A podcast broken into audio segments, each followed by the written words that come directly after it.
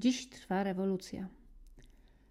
Dziś trwa rewolucja, która dotyka istotnych węzłów ludzkiej egzystencji i wymaga twórczego wysiłku myśli i działania. Obydwu i myśli i działania. Zmienia się strukturalnie sposób rozumienia stworzenia, narodzin i śmierci.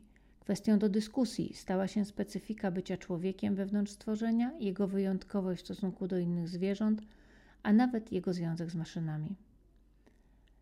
To cytat z przesłania Ojca Świętego do Papieskiej Rady Kultury, wygłoszonego kilka dni temu za pośrednictwem internetu. Cytat, który nie pasuje do potocznej wizji Franciszka. Cytat, który świadczy, że papież doskonale widzi także ten trend rozwoju współczesnego świata.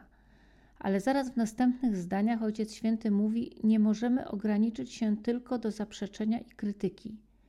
Jesteśmy raczej proszeni o ponowne przemyślenie obecności człowieka w świecie w świetle tradycji humanistycznej, jako sługi życia, a nie jego pana, jako budowniczego dobra wspólnego z wartościami solidarności i współczucia. To proste powiedzieć nie, skrytykować i potępić. O wiele trudniej jest dać dobrą odpowiedź. Kim jest człowiek? Czym jest człowieczeństwo i co w nim jest takiego wyjątkowego? Jakie jest nasze powołanie? Czym jest bycie kobietą i mężczyzną, matką i ojcem? Kim jesteśmy w relacji do reszty stworzenia? Skąd w nas w końcu dążenie do tworzenia relacji społecznych?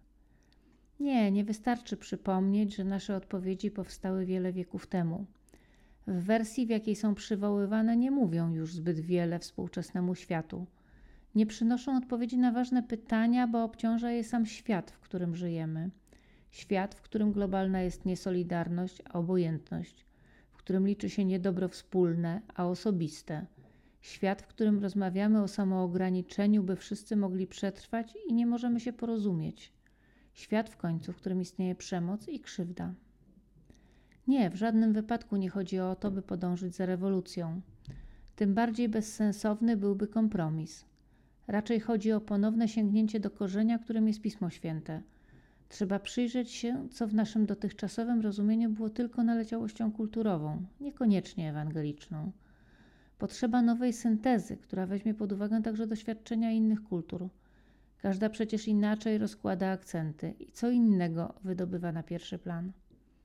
Franciszek wspomniał w swoim przemówieniu holistyczną wersję kultur azjatyckich, solidarność właściwą kulturą afrykańskim i południowoamerykański nacisk na rodzinę i świętowanie.